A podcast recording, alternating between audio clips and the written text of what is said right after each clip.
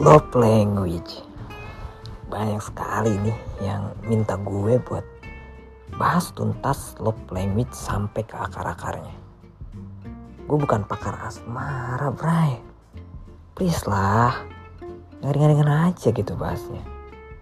Tapi entah kenapa ya love language atau bahasa cinta sekarang jadi bahan perbincangan di mana-mana. Apalagi physical touch Oke, sebelumnya love language ini ada lima.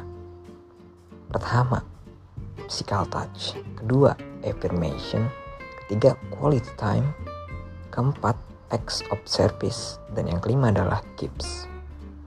Entahlah dengan semua itu.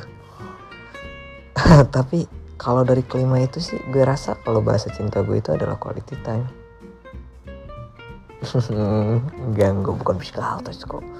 Bukan Kenapa gitu physical touch itu menjadi bahan perbincangan di antara kelima bahasa cinta tersebut? Aneh juga menurut gue. Apa karena sentuhan tubuh itu lebih memiliki sensasi yang ah dibanding empat bahasa cinta yang lain?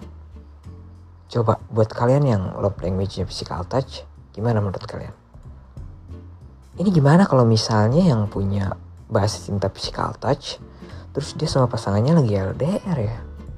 Hmm, Enggak, enggak fokus bre, enggak bre. Maksud gue bukan ngasih tahu kalau dia lagi selingkuh, enggak. Enggak, enggak. Enggak apa-apa kok LDR.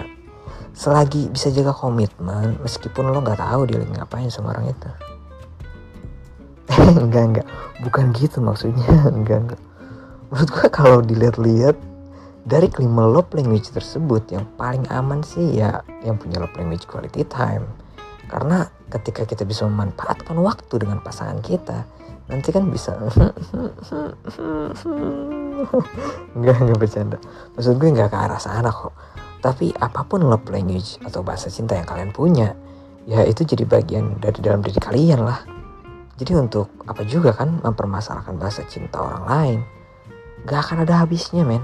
Gak akan ada habisnya. Sama kayak memberantas kemiskinan di negara ini.